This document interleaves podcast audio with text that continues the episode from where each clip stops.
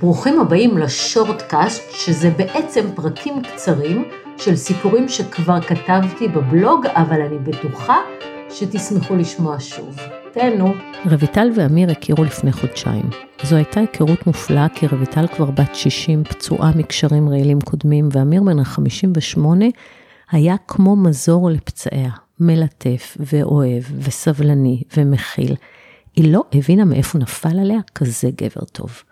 כשהתחילה המלחמה והטילים שרקו להם מעל הראש, היה ברור שהוא ייקח תיק ויבוא אליה. הוא גר בדירה ישנה בבית, בבניין רכבת בלי ממ"ד, והיא בבית פרטי עם מקלט שהוא קרא לו מקלט אטומי. והם ישבו כל ערב בגינה, ודיברו ודיברו ודיברו, ושתו יין והתחבקו, ורצו לממ"ד ויצאו ממנו ועשו אהבה, וזה היה מופלא ומלחיץ באופן שהיא לא ידעה להסביר. ואז הבן שלה הורחק מהבית. היחסים שלו עם אשתו היו מעורערים גם קודם לכן, והמלחמה פירקה להם את הבית. אני אפתח סוגריים כדי לומר שכמו הקורונה, ככה גם המלחמה. כשקירות התא המשפחתי סדוקים ממילא, הם נוטים להישבר תחת לחץ.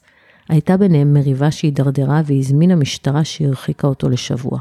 תלונת שווא, אמרה רויטל לאמיר כשבנה סימס לה, מהר מאוד היא תבין שאשתו כנראה צודקת, אבל לא זה הסיפור. בנה ארז תיק והגיע אליה באישון ליל. בבוקר, הבן שלה קלט שיש גבר זר בבית שמכין קפה ויושב עם תחתוני בוקסר בגינה. והוא מאוד לא אהב את זה. בואי שנייה לחדר, הוא סימן לאמו ללא קול. וכשהיא סיפרה לו שהוא חבר שלה וטוב להם יחד, וככה שניהם לא לבד במלחמה, במקום לפרגן הוא כעס. זה לא מקובל עליי. הוא ישתלט לך על הבית, הוא יגיד שהוא ידוע בציבור שלך, אם משהו יקרה לך הוא ידרוש חצי מהכל, תעיפי אותו עוד היום מהבית.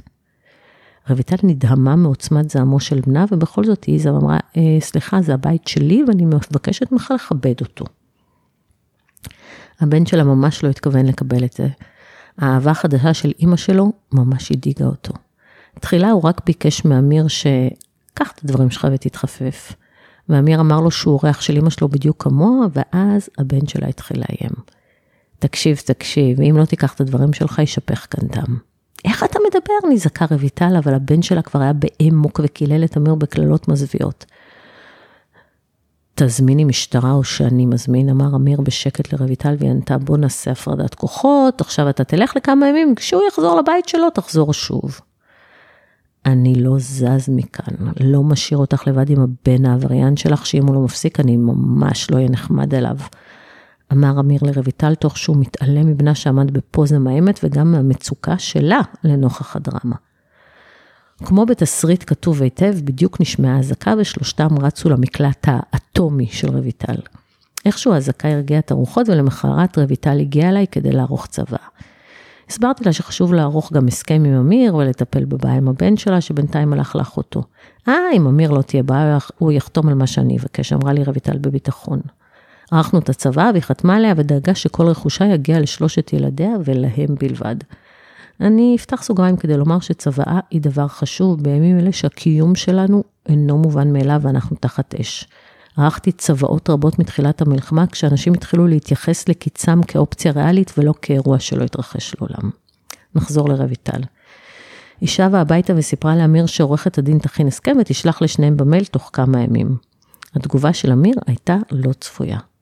אני לא חותם על שום הסכם באמצע המלחמה, הבן שלך אולי מנהל לך את החיים, אבל לא לי. אני כאן ולא חותם על כלום. פנס אדום התחיל להבהב לרויטל מעל הראש, היא לא ציפתה לתגובה הזאת, וכל תא בגופה זעק סכנה. אני מבקשת שתלכי, אמרה לאמיר בקול רועד, והוא צחק ואמר לה, זה לא יקרה. שלוש, שלושת ילדיה של רויטל הגיעו הביתה וביקשו מאמיר להתפנות. הוא ישב בסלון בתחתוני בוקסר בשקט מוחלט וסירב. אם תתקרבו אליי, אני אזמין משטרה, הוא איים, ורויטל התקשרה למשטרה. שוטרים הגיעו ומצאו אותו יושב בשבעה בסלון. לא עשיתי לה כלום, אני כבר שבועיים גר כאן, אני לא רואה סיבה שאתם יכולים לעשות משהו, אמר אמיר לשוטרים בקור רוח ובשלווה של פסיכופת. הם אמרו שהיא צריכה לפנות לבית המשפט והלכו. היא לא ישנה באותו לילה בבית, דווקא השקט והקור שלו היו מקפיאי דם והגבירו אצלה את החרדות שגם כך מילאו את נפשה עד תום. למחרת היינו בבית המשפט. אין דיונים בימים אלו למעט דיוני חירום. החוק למניעת אלימות במשפחה מאפשר להוציא צו הגנה נגד מי שאינו מאפשר לבן משפחתו לעשות שימוש בנכס שמשמש אותו כדין. עזבו את העובדה שאפשר להתווכח אם אמיר עונה בכלל להגדרת בן משפחה אחרי חודשיים, אבל השופטת התורנית הבינה את הסיטואציה ונתנה צו הרחקה במקום. אחרי שהמשטרה, אחרי שהמשטרה מסרה לו את הצו וליוותה אותו החוצה, רויטל החליפה מנעול והודיעה לו שהוא לא יכול לחזור ושלא יצר את הקשר. הפסדת אותי, הוא סימס לה והבהיר שהוא לא חוזר. תכלס, זה סוג של נס שהמסכה ירדה לו בחסות המלחמה, אמרתי לרויטל, וטוב שזה נגמר ככה. היא הסכימה איתי, אבל אמרה שהיא חשבה שזה נס שהם בכלל הכירו, ושהיא מצאה זוגיות אחרי כל כך הרבה שנות בדידות, אבל הוא כנראה פסיכופת, ונס שזה נגמר ככה. דוקטור אדית אגר היא פסיכותרפיסטית שורדת אושוויץ, והיא כתבה בספרה המתנה שהדרך הראשונה להשתחרר מסבל היא לח... לחלץ את עצמנו מכלא הקורבנות. קורבנות שואלים מדוע אני, שורדים שואלים מה עכשיו, כותבת אגר. אבל הוא אוניברסלי, אבל קורבנות היא עניין של בחירה. אי אפשר להימלט מפגיעה או מדיכוי שמעוללים לנו אנשים אחרים או נסיבות. הערובה היחידה היא שנסבול כאב ולא חשוב עד כמה אנחנו נדיבים או עובדים קשה. אנחנו נהיה מושפעים מגורמים סביבתיים וגנטיים שיש לנו שליטה מעטה מאוד עליהם אם בכלל.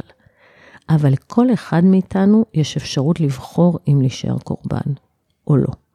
איננו יכולים לבחור את מה שקורה לנו, אנחנו יכולים לבחור כיצד נגיב למה שקורה לנו, כותבת אגר.